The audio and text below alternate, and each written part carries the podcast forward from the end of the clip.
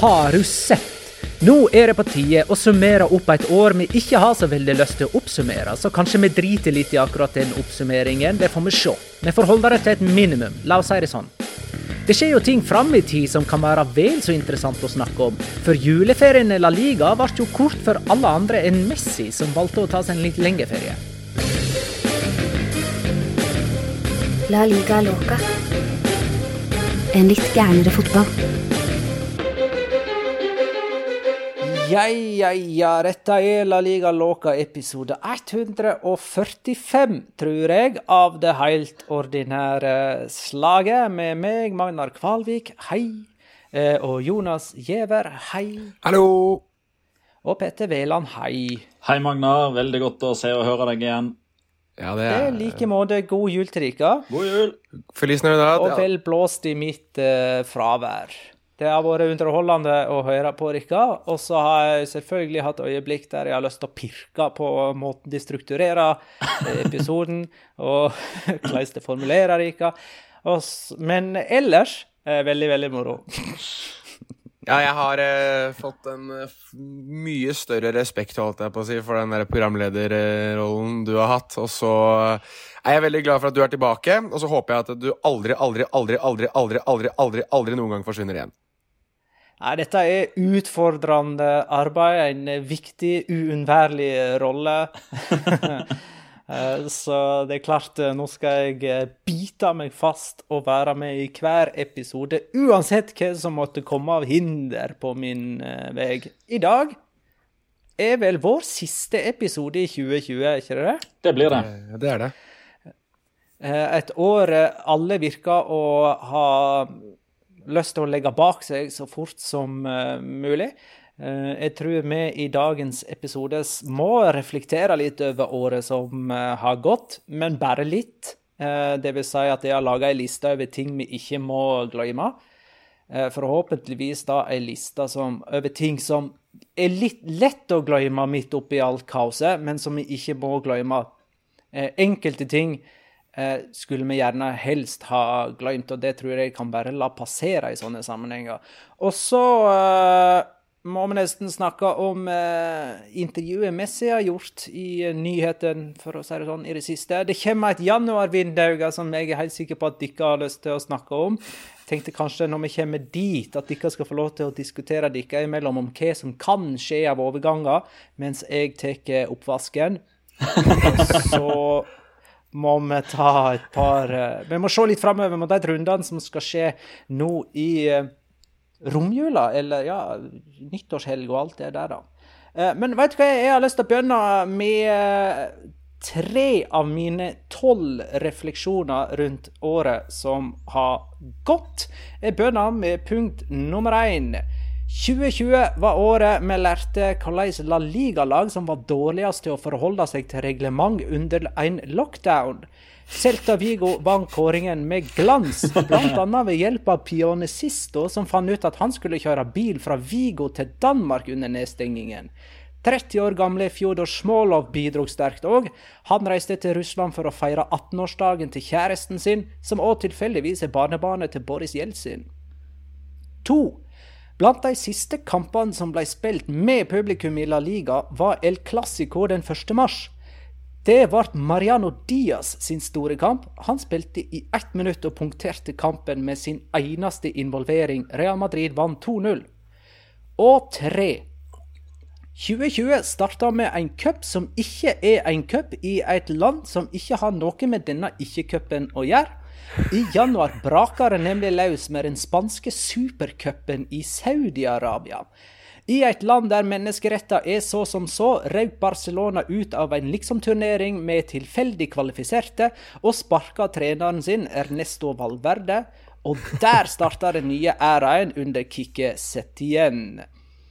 Og det tenker jeg er en grei innledning eh, på det Messi-intervjuet som ble publisert eh, i går, altså søndag 27. desember, blir ikke det riktig? Mm.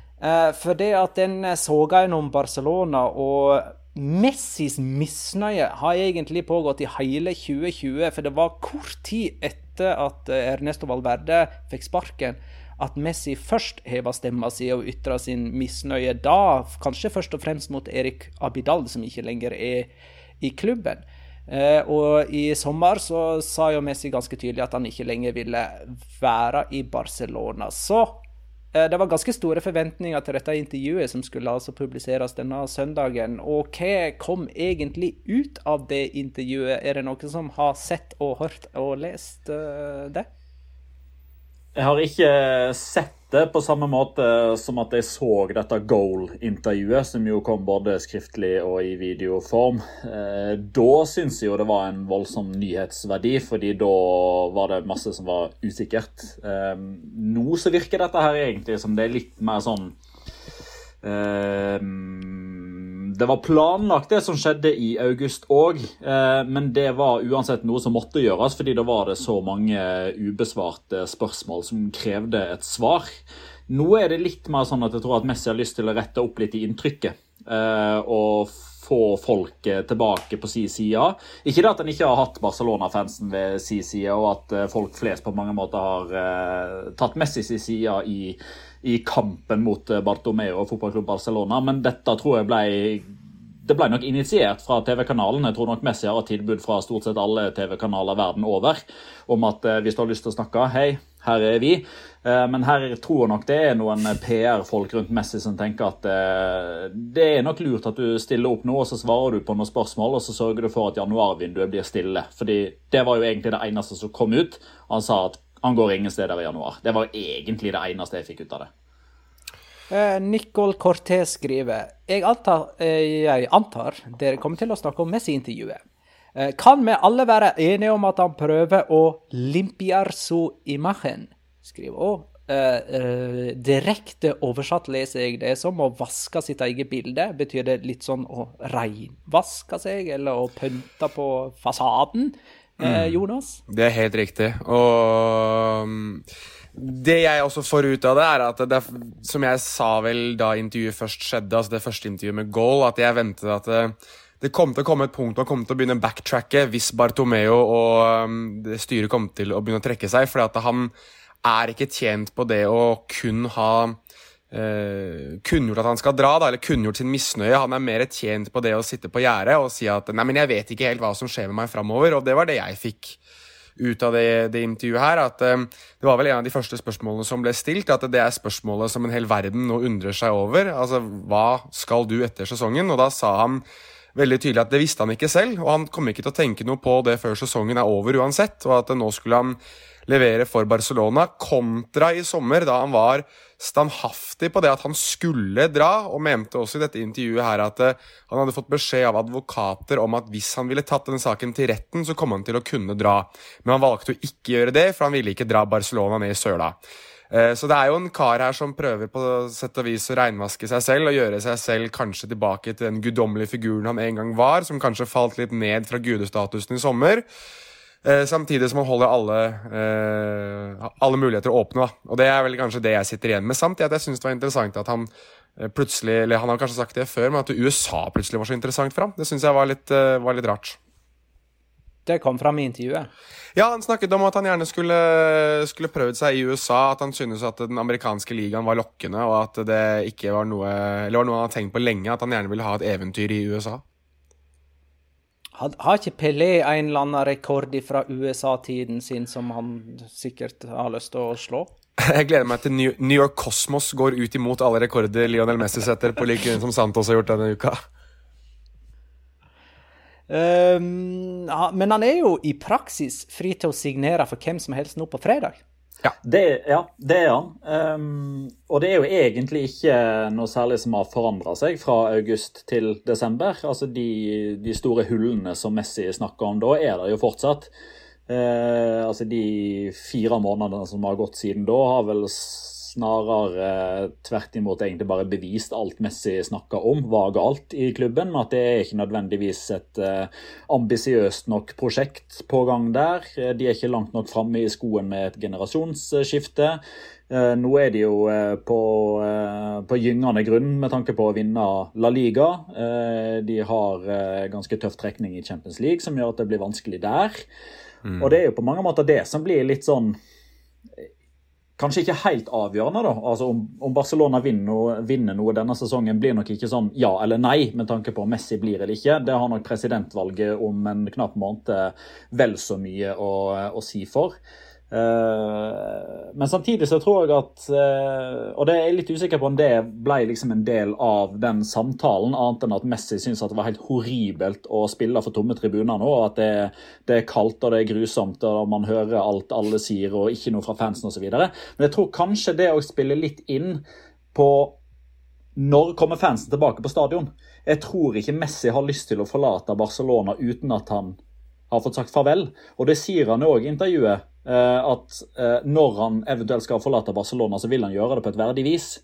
Eh, og Det var derfor han ikke stakk fra, fra Barcelona nå i sommer. fordi han hadde visstnok blitt fortalt av både én og to og flere advokater at han hadde hatt en veldig god sak hvis han hadde gått til, klubb, gått til sak mot klubben. Ja. Men det var ikke den måten han ville gjøre det på. Bendik Hovland spør forlater han Barcelona til sommeren. Jeg tror det avhenger veldig av hvem som blir ny president. Jeg tror det avhenger veldig av hvem som blir ny president. Jeg tror at um, den som mest sannsynlig har størst Den som jeg, jeg tror ville fått Messi til å bli på dagen, da, for å si det sånn, tror jeg faktisk er John Laporta. Um, fordi at det, det, er det Messi kjenner, det er det Messi vet hva er. er da, da, vet han nøyaktig hva han går til, og det er til den mest suksessrike epoken, kanskje den lykkeligste epoken i sin karriere. Altså Sist gang Laporta var der, så han vet jo hva han kan få til. Mens Victor Font har sine storslåtte planer om å ta Barcelona tilbake til, til Cruyff-æraen. Men jeg synes det er litt sånn påfallende jeg nå at uh, Laporta har begynt å smelle opp uh, digre postere i uh, Madrid foran Santiago Bernabeu hvor det står at 'jeg gleder meg til å se dere alle igjen'. Uh, og i dag i et intervju har han sagt at uh, han gleder seg til å skåre seks mål mot Real Madrid igjen også. Altså Det virker som den der Laporta-bølgen er på vei over Catalonia igjen. Uh, selv om jeg syns Victor Font er, er, veldig interessant, og det kan jo fint være at momentumet svinger også i Laportas favør i det at Messi fortsatt sitter på gjerdet. Jeg tror kanskje det spiller veldig på det positive for, for Laporta sin del, den tid han vet nøyaktig hva, hvilke knapper han skal trykke på. Så Uh, de to presidentene som jeg tror er uh, mest positive for Messi sin del, er først Laporta, så Font. Og så har jeg lest litt i par av de utsagnene og intervjuene til en del av de andre presidentene som jeg ikke kommer på. El Freicha er vel en eller annen uh, Tony Freicha og litt sånn forskjellig. Og det er veldig sånn økonomisk baserte. At det her kan bli veldig vanskelig å beholde Messi, og er veldig sånn forsiktige på det, da. Og da, og da, tenker jeg med en gang Når du begynner å, å ikke være sikker på, på, om du klarer å beholde Messi, så tror jeg ikke Messi kommer til å være sikker på om han ønsker å bli. Jeg eh, har lyst til at vi skal ta en spådom på det der. Vi har jo eh, hatt noen spådommer i løpet av denne sesongen, men ingen av de handler om, dette, eh, om hvorvidt dette er Messi sin siste sesong i Barcelona eller ei, og det syns jeg vi må eh, ta. Eh, så spørsmålet er er dette Messis siste sesong i Barcelona, ja eller nei? Petter? Nei. Jonas? Uh, åh, det er vanskelig. Uh, jeg svarer ja, mens du tenker. Ja, uh, jeg svarer nei, selv om jeg tror det kanskje endret seg bitte litt med Mauricio Pochettino men jeg, i PSG. Men jeg tror fortsatt Messi blir værende. Unnskyld meg, er Maurizio Pochettino klar for PSG? Det meldes vel av samtlige aviser og Here we go, er ikke det det som uh, slagordet? Ja, det er vel Fabrizio Romano som også har skrevet det. Så det, jeg ville bli litt overrasket nå hvis ikke Pochettino blir PSG-sjef. Ja, men offisielt er det ikke, sant? Jeg lurer nei, genuint fordi at uh, jeg har hatt juleferie. Det er ikke offisielt ennå, men det blir det, tror jeg. Men Messi òg har juleferie. ja. Såpass med juleferie at uh, han skal ikke spille mot Eibar i morgen, tirsdag 29. Er det noen som, av oss som har meninger om det? Uh, nei, ikke så veldig sterke meninger. Altså, jeg har jo lagt ut uh, min uh, jeg, oversettelse av den såkalte skaderapporten som ble lagt ut av Barcelona, som er den tynneste suppo jeg har sett noen gang. Er det ikke, det er jo ikke vann i suppo engang. Uh, der det står at uh, han, uh, han, fortsetter å helbrede ankelen sin i Argentina og er derfor ikke disponibel mot Eibar, er vel det som, som står. og Ja, har vi hørt det før? Har vi sett uh, søramerikanske stjerner komme litt senere tilbake igjen enn uh, f.eks. de som bor til Spania, eller kommer fra Spania før? Svaret er ja, det har vi. Og spørsmålet er har Messi gjort fortjent til det? Svaret er definitivt ja. Signalet det sender er jeg derimot ikke like sikker på, og det er vel kanskje det eneste som er, liksom er grobunn for en diskusjon. da, altså Signalet kapteinen sender til lagkameratene sine her. Det kan jo være én dere er gode nok til å slå Eibar uten meg uansett. Men det kan jo samtidig være to. Hei, jeg er Lionel Messi, jeg tar meg de frihetene jeg kan og vil. Ellers er, det, ellers er det en blanding av én og to, hvor rett og slett Lionel Messi ser det at uh, ligaen kommer de ikke til å vinne. Uh, og Derfor er det greit at han gjør litt det Cristiano Ronaldo pleide å gjøre i disse tider her også, hvor han gjerne sto over en kamp eller to fordi han skulle være fresh til Champions League. Eh, Barcelona møter altså Eibar hjemme uten Messi. Uh, og så er han tilbake igjen til Uesca borte uh, første helg i, i januar, dvs. Si kommende helg. Uh, det er jo viktig at han er tilbake til bortekamper, siden Barcelona har slitt så voldsomt der. Nå har han jo begynt å skåre bortemål òg. det gjorde han i alle fall i forrige bortekamp. Ja, mot Valladolid. Da var han for øvrig kjempeglad. han var kjempeglad? Ja. Han gikk jo rundt og smilte hele tida. Okay. Det var nesten som at han hadde liksom eh, bestemt seg for at nå skal jeg gi folk noe å snakke om. Nå skal jeg smile. Nå skal jeg ikke bare gå rundt og daffe. Men han var jo kjempegod òg. Ja, det var han òg. Det var, eh, han og Pedri ble den store snakkisen, og det samarbeidet de har ja. etter kampen. Mm. Greit. Eh, da runder vi av eh, Messi-prat i denne omgang. Og kan vi bare ta en kjapp en, en, kjapp siste ting om Messi, som jo er ganske kult. Det er jo dette reklamestuntet. Det, det er det Heineken? Som, ja! Nei, Budwiser. Budwiser er det. Budwiser. Ja. Som jo har nå sendt ei ølflaske til, eh, til, hver keeper han har skåra eh, altså på. Eh, for å feire disse 644 målene han har skåra for én en enkelt klubb, så har de sendt ei ølflaske til, altså per mål Messi har skåra på Uh, alle keeperne da, som han har møtt. Det, det syns jeg er fantastisk. Og hvis, hvis noen observerer Diego Alves eller ja, Iker Casillas si ravende full et eller annet sted, da har de mottatt og åpna gaven. Det, var det jeg skulle si. Og Diego Alves har fått 21 ølflasker av Budwiser den siste tida. Det er altså så herlig. Jeg hadde faktisk trodd det var mer, men uh, OK. 21 flaske. Men da har han jo noe å kose seg med i romjula og på, til nyttår, da. Ja. Der runder vi av Messi-prat for 2020 og plukker opp ballen igjen i 2021. Nå er det tid for eh, de tre neste punkt i min liste over ting vi ikke må glemme fra året 2020. Punkt nummer fire. I februar 2020 fikk vi en av sesongens mest oppsiktsvekkende oppgjør da skandinaviske Real Sociedad slo Real Madrid 4-3 på Santiago Bernabeu i Copa del Reis kvartfinale. Både Martin Ødegaard og Alexander Isak skåra for La Real. 5. Copa del Rey-finalen i 2020 ble det derimot ingenting av. De to finalistene Real Sociedad og Atletic Klubb ble enige om at de ikke ville ha en heilbaskisk finale uten publikum i 2020, og spiller dermed en heilbaskisk finale uten publikum i 2021 i stedet for. Det blir òg uten Atletic-legenden Aritz Adoris, som hadde håpa å avslutte karrieren med denne finalen, men kasta inn håndkleet i mai og la skoen på hylla med ei ødelagt hofte. Uff. Punkt seks. 11. mars slo Atletico Madrid Liverpool 3-2 etter ekstraomganger i Champions League for fulle tribuner på Anfield. Noen spurte seg om det var forsvarlig å avvikle kampen med publikum, og svaret var uhyre nedslående et par måneder senere, da en rapport anslo at så mange som 40 personer kan ha dødd som direkte konsekvens av at kampen ble avvikla med 50 000 tilskuere, derav 3000 fra Madrid. Og husker ikke Diego Costa gå og eh, liksom hoste på eh, pressen i pressesona etter kampen? Ja, det husker jeg. Eh, for å, å, ta en elegant overgang til overgangssnakk og Diego Costa Hvordan går det med Diego Costa, liksom, etter 2020?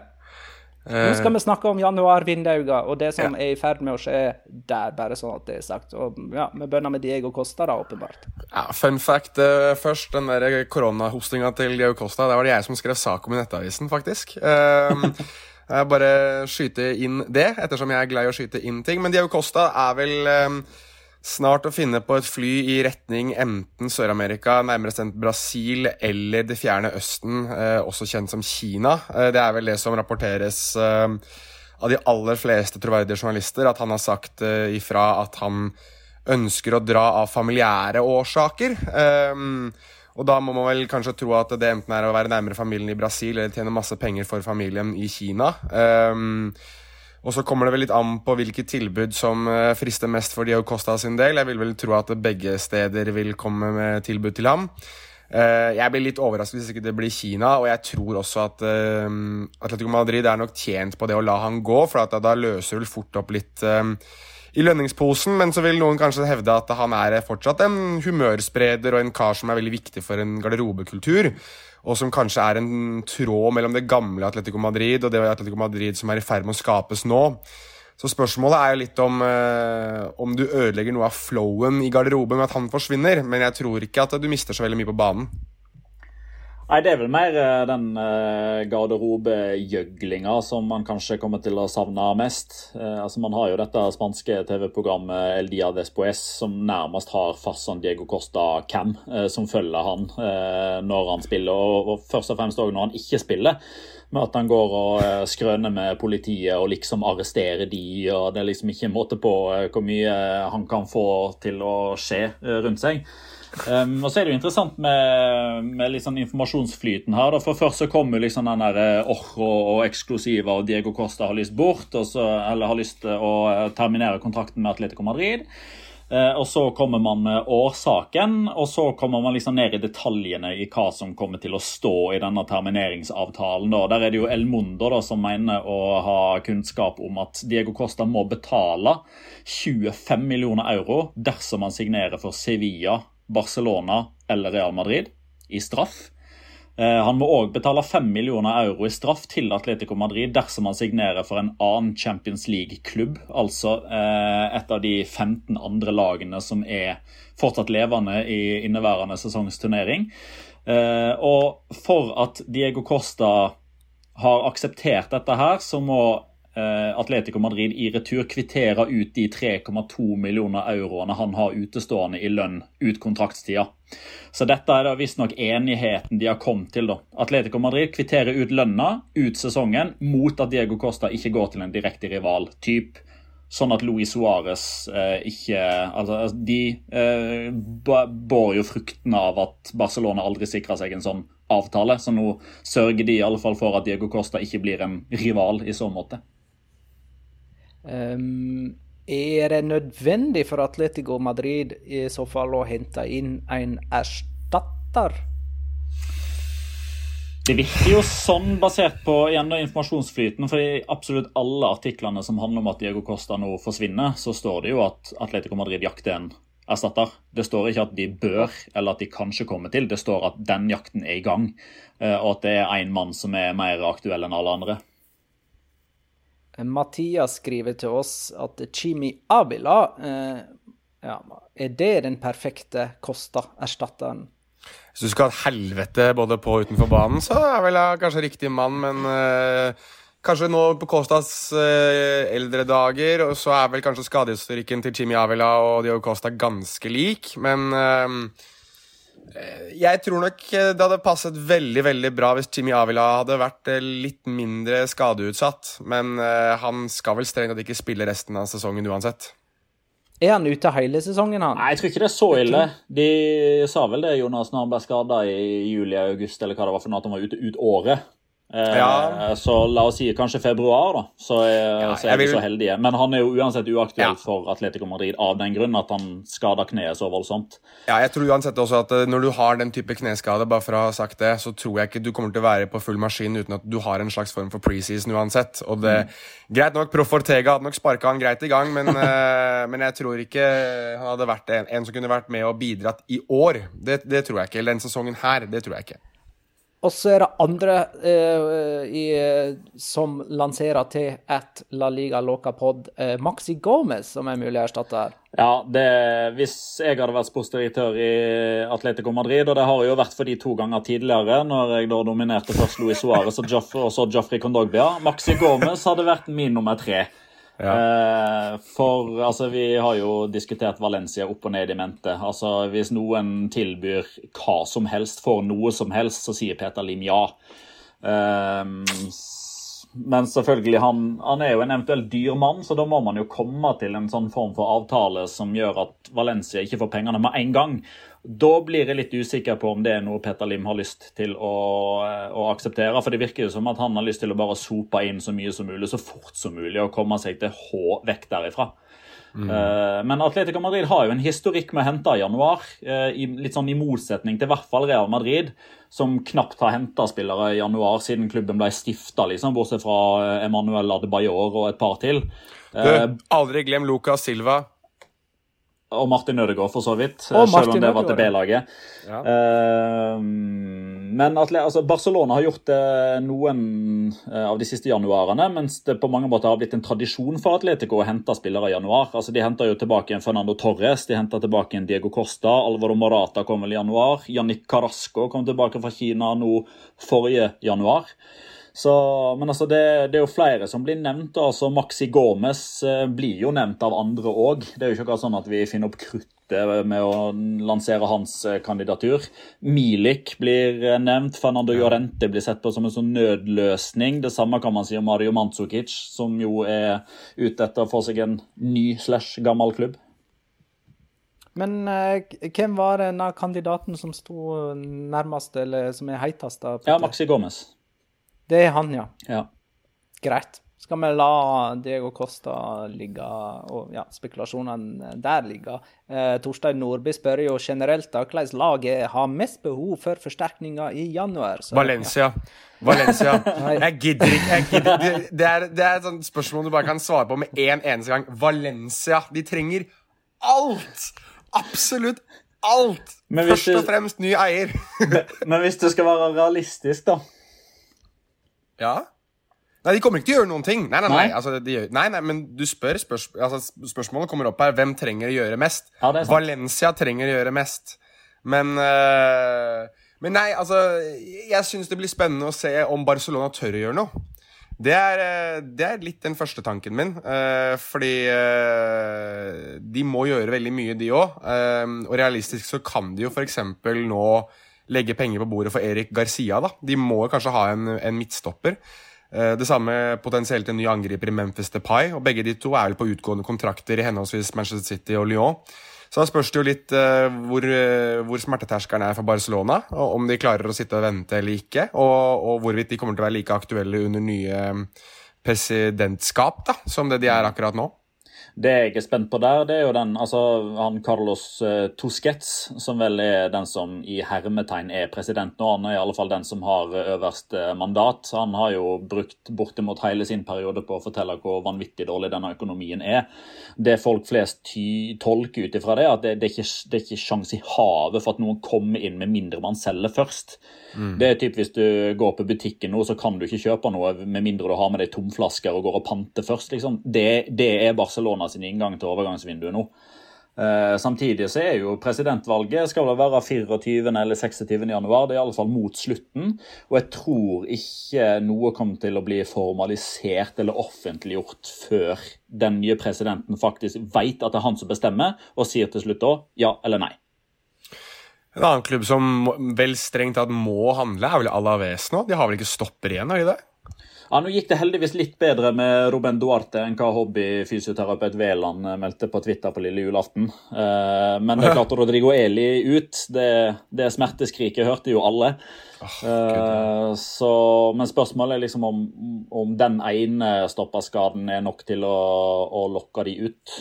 Litt usikker. Det er jo, det er jo egentlig et vindu, dette her, som er Jeg tror nok kanskje januarvinduet 2021 kommer til å bli det dølleste ever.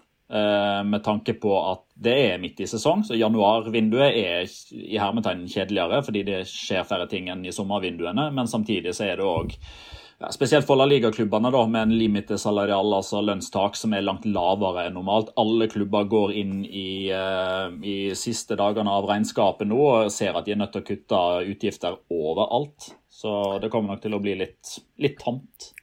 En overgang det er verdt å, å holde et øye opp for, som altså stilmessig ikke passer overhodet, men som har blitt snakket om ganske lenge nå, er jo det at Real Madrid trekker eh, Takefusa Kubo ut av Villarreal og sender han heller til Getafe. Eh, altså, det passer jo ikke. Det er jo helt altså, det, det er jo at, men, men, det jeg syns kan være ganske spennende, er jo hvis de, han skal spille på høyresida og han blir tatt av da venstrebekken på andre sida, og Damian Suárez skal opp og forsvare han gang etter gang etter gang. etter gang etter gang. Det er jo kortspill på Damian Suárez kommer ikke til å være hetere enn noen gang den der halve sesongen Takefusa Kobo er der, for det kommer til å være så mye turmulter og så mye handbags av uh, Kobo. Så um, den, den, den passer uh, egentlig ikke stilmessig, men den kommer til å passe når det kommer til humøret til uh, Getafe og Takefusa Kobo generelt, egentlig. Stilmessig passer jo derimot det som jo er den overgangen som er lengst fram i skoen. Der virker det som at det bare er formaliteter unna. Og det er jo eh, Etienne Capoe som skal ja. til eh, Villarreal. Eh, de var jo ganske tydelige, nærmest. Altså, de kom jo ut av sykehuset de og sa vi skal ha erstatter for Iborra, eh, nærmest i tog. Eh, og så har de brukt ei uke cirka, på å sondere markedet og funnet ut at det er Watford, midtbanespilleren, som har eh, de defensive fibrene og den rutinen som trengs for å, for å dekke det behovet for å ha en, eh, en ballvinner som kan fordele veldig kjapt og enkelt, sånn som Ibora har gjort. Det er uh, mannen som skulle inn og erstatte um, Coquelin på midtbanen til Valencia. Det var han som sto høyest på ønskelista til Javi Gracia. Selvfølgelig skal også han til Villarreal, for hvorfor ikke, liksom? Alle som kunne gjort noe i Valencia, skal selvfølgelig til Villarreal. Sånn er det blitt. Henrik spør oss hvis Real Madrid kunne velge mellom følgende spillere som de har vært linka til, Mbappé, Haaland, Kamavinga og Pogba, Eh, hvem ville vært den beste signeringen? Mbappé. Mbappé. Ja, vi sier Mbappé, men det skjer jo ikke i januar, det, da. Nei. Nei, da Det skjer ikke så mye med Real Madrid i januar, antar vi. De må vel, det, det eneste som kanskje kan skje, er vel at de må få signert Sergio Ramos på ny avtale, for han er jo samme situasjon som Lionel Messi er i. Og har ikke de nettopp signert uh, Luka Modric på ny avtale? Nei, ikke offentliggjort. Uh, men Real Madrid er noen rever der. altså. Det, det, gikk et år før folk fant ut at Isco hadde forlenga kontrakten sist. Uh, den kontraktsforlenginga til Ødegaard fra 2021 til 2023 har de jo ennå ikke sagt noe om offentlig. Så jeg skal ikke helt Hva skal jeg si jeg tror ikke du skal holde pusten på at det kommer en kommunikator offisiell fra Real Madrid der. Eh, det eneste som liksom skiller det, er jo at han vil jo da ikke lenger være bossmann. Eh, så det kan jo være en sånn breaker som gjør at de velger å kommunisere det likevel, da, for å få slutt på spekulasjoner. Ok. Eh, en jeg er litt spent på, er Filippe Coutinho. Eh, for det har vært mye rykte eh, rundt han før jul om at eh, Barcelona ikke er interessert i å beholde han.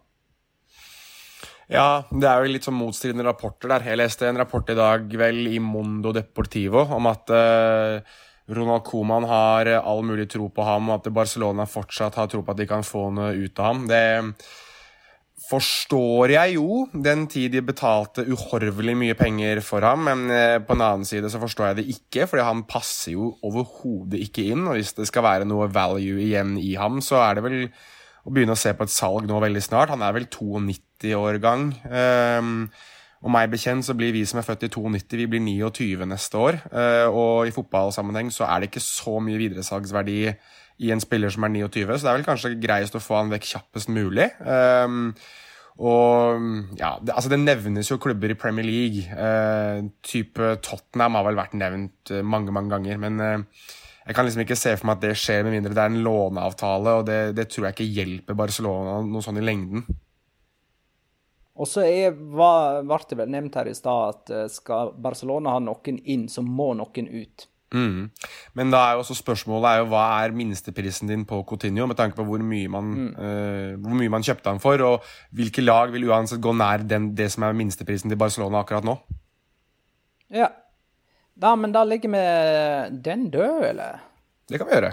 Det er ikke noe Fikk du tatt opp Eh, Ja, nå har jeg vaska tre vinglass, og de skal brukes i kveld, alle sammen. Hey.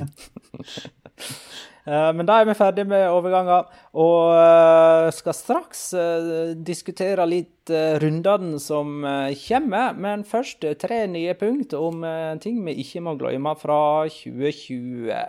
Punkt nummer åtte har jeg kommet til. Eller punkt nummer sju har jeg kommet til. Yes, punkt nummer sju. Felipe Coutinho har kanskje ikke levd opp til forventningene i Barcelona, men i august 2020 skaffa han seg tre målpoeng på et kvarter i én og samme Barcelona-kamp. Det gjorde han som innbytter for Bayern München da han kom inn på stillingen 2-5. Med én målgivende og to skåringer sørga han for at det til slutt ble 2-8. I dag er det for øvrig 28. desember, ifølge masse av Madrid-fans. Eh, punkt åtte. Mens de spanske representantene røyk én etter én i Champions League, vant Sevilla selvfølgelig Sevilla-cupen etter å ha slått Roma, Wolves, Manchester United og Inter i sluttspillet. Sluttspillene i Europacupen ble arrangert over to uker i én nasjon med enkeltoppgjør i stedet for doble. Dette så ut til å være en stor TV-suksess og har trolig gitt fotballpampene mange nye ideer til arrangering av store supergigacuper med bare de aller rikeste involvert i framtiden. Og ni. Like før Sevilla Derby skulle spilles den 14. mars, kom nyheten om at La Liga stoppa sesongen som følge av virusspredning i landet. Oppholdet skulle i første omgang vare i to uker. Det ble til slutt tre måneder. Den første kampen etter La Liga-oppholdet ble Sevilla Derby torsdag den 11. juni. Sevilla slo Real Betis 2-0. Og tror ikke du det at det er eh, nytt Sevilla-derby til helga, eller? Eh, det er jo to runder nå, da. Eh, det starta i morgen, den 29. desember. Fortsetter til nyttårsaften, faktisk. Det er jo to kamper på nyttårsaften. Og så eh, i første helg i eh, januar med en ny runde. Så nå går det tett i tett. Og jeg merker meg, bare for, for å ta litt sånn derre linje i toppen av tabellen, da, at Atletico spiller hjemme mot formsvake Getafe og borte mot formsvake Alaves. Real Madrid spiller borte mot vesle Elche og hjemme mot Celta Vigo. Barcelona møter Eibar og Uesca, som vi har vært inne på. Mens de andre lagene som ligger oppe i toppen, Sevilla og Villarreal f.eks., de møter hverandre. Sevilla møter i tillegg altså Real Betis til Sevilla-derby. Real Sociedad har jo to Basker-derby. De skal ut mot Atletic borte, og så får de besøk av eh, Osasuna. Så jeg tenker, under normale omstendigheter, hadde ikke dette da vært en sånn typisk periode der de tre topplagene benytter anledningen til å befeste sin posisjon ved å vinne sine kamper, eh, mens de andre tar poeng fra hverandre. Og da Petter eh, har en finger i været. Jeg ble skikkelig glad jeg nå. Jeg fikk trua på at vi snart er tilbake i en normal hverdag. Der kom det. Den vaksinen kommer til å gå som bare jubelen, den, altså. Da starter vi 2021 med å være tilbake igjen til der vi pleier å være. Med at eh, de største drar ifra, og de nest største sparker bein på hverandre. Yes! Ok, Så når vi, når vi har vår første episode i 2021, så er Atletico, Real Madrid og Barcelona de tre øverste på tabellen. Barcelona er faktisk eh, nummer to, de, da. Fytti rakkeren, det Ja. kan jo faktisk skje, det verste av alt. Ja, Det kan vel faktisk ikke skje. Nei, det Kan var jo en spøk, da. Det var mitt Nei, det- det- det Barcelona var med nummer to. Eh, Barcelona er åtte poeng bak, så det kan ikke være De kan være nummer tre. Nummer tre kan de være, i hvert fall. De, da skal noen resultater gå i deres favør. Men eh, eh, altså, hva skal jeg si? Det er vel litt det som eh, Petter har vært hans føljetong i alle år, egentlig. Det at når du har muligheten til å se et nytt lag kjempe i toppen, så klarer de å på en måte kuke det til for et annet lag som kanskje hadde ambisjoner om å være der oppe i toppen. Så nei, jeg, men jeg, det er jo Altså, hvis du noen gang eh, Eller hvis du føler at du ikke fikk det du ønsket deg til jul, da, så har du jo et hav av snacks å glede deg til nå den neste uka. Jeg eh, bet meg merke at jeg syns det var veldig trist at ikke det er en sein Altså en klokka ti-kamp på på nyttårsaften. Ikke det at jeg nødvendigvis uh, syns det er sånn supergøy uh, eller hadde lyst til å sitte og telle ned mens kampen pågikk, men det må jo være mange, bl.a. Petter, som tenker at det hadde vært utrolig gøy hvis du kunne fått det derre um, Og potensielt ha en målskårer i, to, i, 2020, og som også skårer i 2021. Uh, I samme, I samme kamp. kamp ja. Mm. ja. Det hadde vært uh, ganske spinnvilt. Ja, jeg fikk jo ikke julegaven min, så Nei. Nei. Da, uh, hvis Osasona Alaves Hvis det blir lagt til åtte åtte timer av den kampen, så kan det skje. Ja. ja. Det, da... Hvis det er Mateola Hoss eh, som dømmer kampen, så stiger prosentsjansen lite grann. Joselu, jeg ser på deg. Men eh, det som, er, det som, er, gøy, da, at når vi starter i gang igjen nå etter en ørliten julepause, så er det jo seks derbyer som venter på oss. Ja. Eh, og så er det greit nok eh, Jeg får ikke frysninger av Real Sociedad og Sasona. Eh, det gjør jeg ikke. Jeg får heller ikke ståpels av Villarreal mot Levante.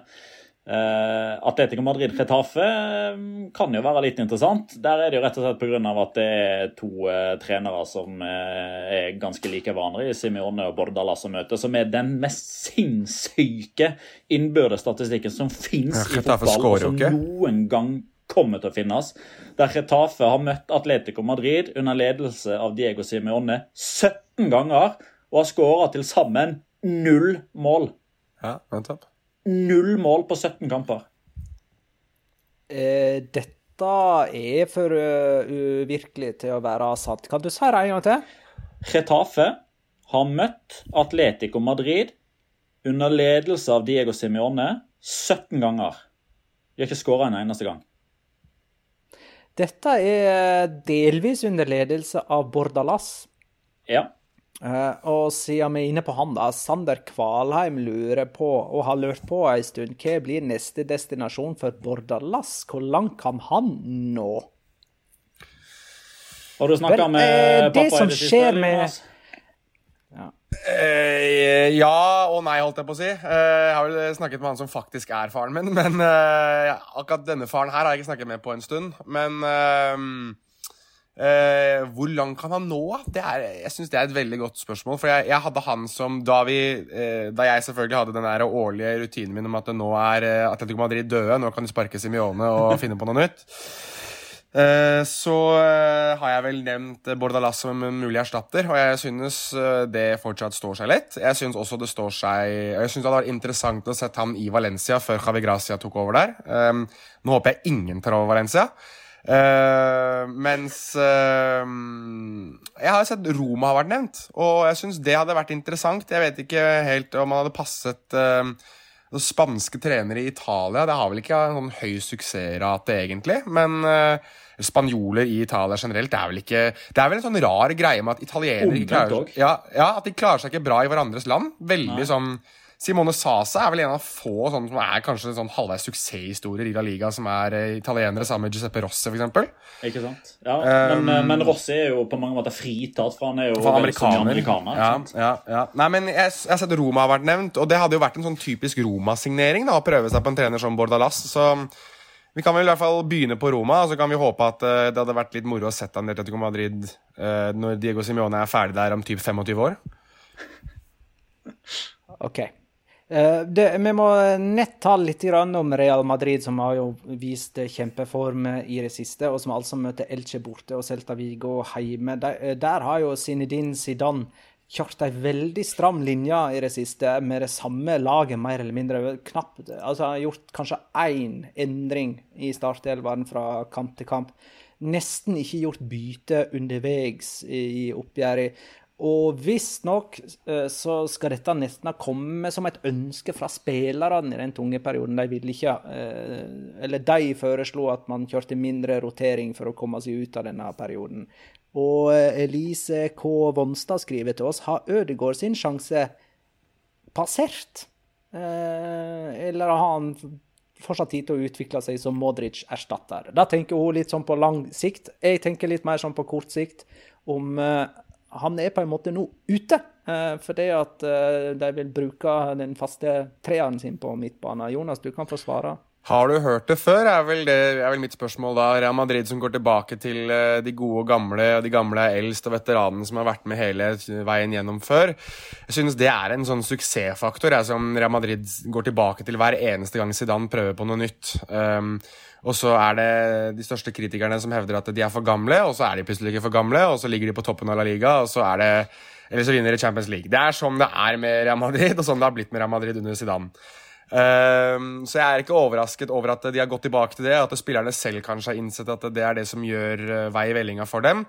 Men det kommer til å komme en dag der det ikke går lenger, og da er vel da Ødegaard sin største sjanse ligger til rette for ham. og denne sesongen så har han jo hatt litt uflaks i dette med skadehistorikken. Litt uflaks med at Real Madrid har kanskje prøvd å være i en eh, revolusjonerende periode for deres del, hvor de prøver å finne nye ledere og prøve å finne ut hvem som skal ta inn på det nye Santiago Bernabeu når det åpner, hvem som fortjener det. og eh, jeg tror Ødegaard på en måte har vært øremerket veldig for det. Så jeg vet ikke om det kanskje han har ført litt på det presset.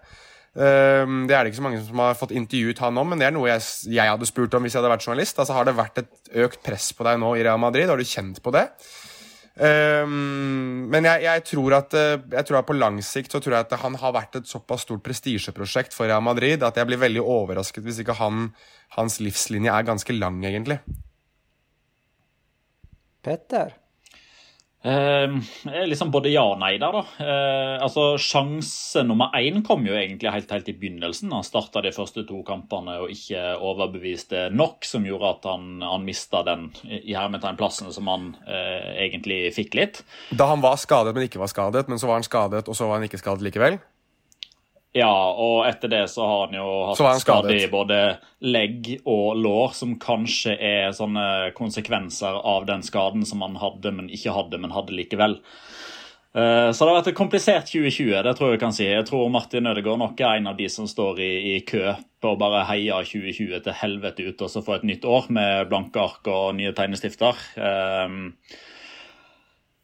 ja, det å gå tilbake til den faste vante elveren har jo åpenbart vært en liten medisin for, uh, for, Real Madrid, men nå må de jo snart begynne å se på utløpsdatoen der. Uh, for når den medisinen går ut på dato, da gjør man seg vondt verre hvis man fortsetter å ta medisinen. Altså, man har jo sagt over ganske lang tid nå at Casemiro, Cross og Modric begynner å dra på årene, og det gjør Ramos og det gjør Marcelo. og Det er vel for så vidt bare sistnevnte man beviselig har hatt rett med, at der har nok toget forlatt perrongen, mens de andre fortsatt sitter eh, på økonomiklasse på vei over eh, til Bergen og koser seg eh, på Hardangervidda nå. Men altså, det er jo litt som du sier, Jonas, at til slutt så kan man ikke lenger gjøre det. Og det er der min bekymring på Real Madrid sine vegne kommer. Og nå tenker jeg ikke utelukkende på Martin Ødegaard, selv om han, han er liksom vårt alibi i diskusjonen her, siden han er vår landsmann. Men det er jo at det er jo nesten ingen av de nye som har klart å vise seg verdig en plass i elveren. Det er jo egentlig nesten bare Federico Valverde og til dels Ferland Mendy Eh, ellers så er man fortsatt usikker på Rodrigo, man er usikker på Venicius, man er ganske usikker på Jovic, man er usikker på Odriozola, man er usikker på Militao, man er usikker på Ødegård. Så det, det, er ganske mange store sånne spørsmålstegn her som står og blinker med hvem skal ta over når man ikke lenger kan ta den medisinen. Og nå har ikke Petter engang nevnt Eden Azad. Jeg bare må få sagt det. Eden Azad ble ikke nevnt engang. Og man får nesten ja, inntrykk av at de, de, har ikke så brei stall, Real Madrid, som det man trodde i begynnelsen. Og at det er noe Zinedine Zidane nesten har innsett, ettersom han har kjørt den samme elveren nå eh, i de siste fire, fem, seks kampene. Mm. Stallen er jo brei, men om kvaliteten på bredden er god nok, er jo spørsmålet. Men så kan det hende at noen spillere begynner å blomstre etter hvert, da. Eh, blant, eh, blant de Petter nevnte.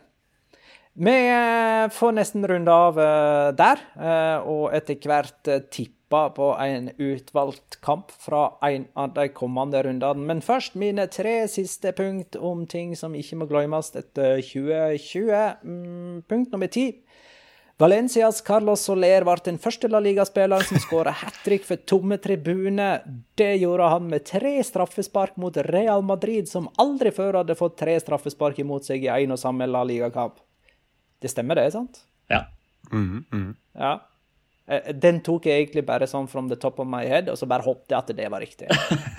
Eh, 11. 2020 var året Gareth Bale forlot Real Madrid. 2021 er året han returnerer. og punkt tolv. 12. Eh, 2020 var året Granada ble et europacuplag. Som nyopprykka til La Liga enda de på sjuendeplass i sommer, og i februar 2021 skal de møte Napoli over to oppgjør i 16-delsfinale av Europaligaen. Enn så lenge har de gjort et redeligere inntrykk i Europa enn det Getafe gjorde i februar 2020, da de slo ut Ajax på sitt helt ordinære vis, eh, og skada imaget til hele La Liga. Det får være noe oppsummering eh, for i år. Jeg tror jeg Nei, jeg er ganske sikker på at jeg har valgt Betis Sevilla som vår neste tippekamp. Kunne selvfølgelig ha valgt Atletic Real Sociedad, men den går tidligere. Og det er så kjipt når folk hører denne episoden rett etter at kampen vi tippa på har blitt spilt, for da blir det så mye etterpåklokskap. Så vi tar den som er lengst fram i tid ja. Av de eh, derbyene, da. Real Betis Sevilla. Eh, Forrige kamp det var Real Sociedad Atletico, som endte 0-2 med Hermoso som første målskårer. Der hadde Petter 1-2 med Luis Suárez som første målskårer. Det gir ett poeng på Petter, som har 15. Jeg hadde 1-2 med Marcos Llorente som første målskårer. Det gir ett poeng. Jeg har 13. Jonas hadde 0-1 med Marcos Llorente som første målskårer. Det gir ett poeng, og du, Jonas, har fire. Petter skal få begynne med Betis Sevilla. Eh, da tipper jeg at den kampen ender 0-1. Eh, og kampens første, siste og eneste målskårer blir Jules Condé. kanskje dette. Ja, ja, ja. Yes. Jeg er jo sjelden en optimist på vegne av Sevilla i relasjon til Real Betis, så jeg tipper 2-1 til Betis med Oi, oi, oi, oi, oi. Christian Theo som første målskårer. Ikke tipp Aisa Mandi. Det har jeg prøvd. De, han, da blir han bare andremålsskårer. Da vet vi hvem som skårer det første målet. Ja, skjønner du. Det har jeg sagt, det. Nei, jeg har eh, Jeg har eh, 1-2. Eh, først, jeg vet hvem sistemålsskårer blir, for det blir jo Luke de Jong som selvfølgelig blir matchvinner. Men eh, første målskårer, da eh, Lucas Ocampos. Oi, Straffespark eller noe sånt. spennende det, da. Ja, jeg må prøve, prøve meg på noe som virker safe. Det gjør det jo aldri når jeg tipper, så det er jo greit. Nei, men det er bra. Ha ei rolig nyttårsfeiring, da. I like måte. Jo, i like måte. Du og dine tre vinglass. Ja. Eh, jeg håper alle våre lyttere tar det rolig til nyttår òg. Og så sees vi, gutter, og så høres vi alle lyttere eh, i 2021. Tusen takk for alle innspill og spørsmål til dagens episode. Takk for at du lytta, kjære lytter. Ha det, da.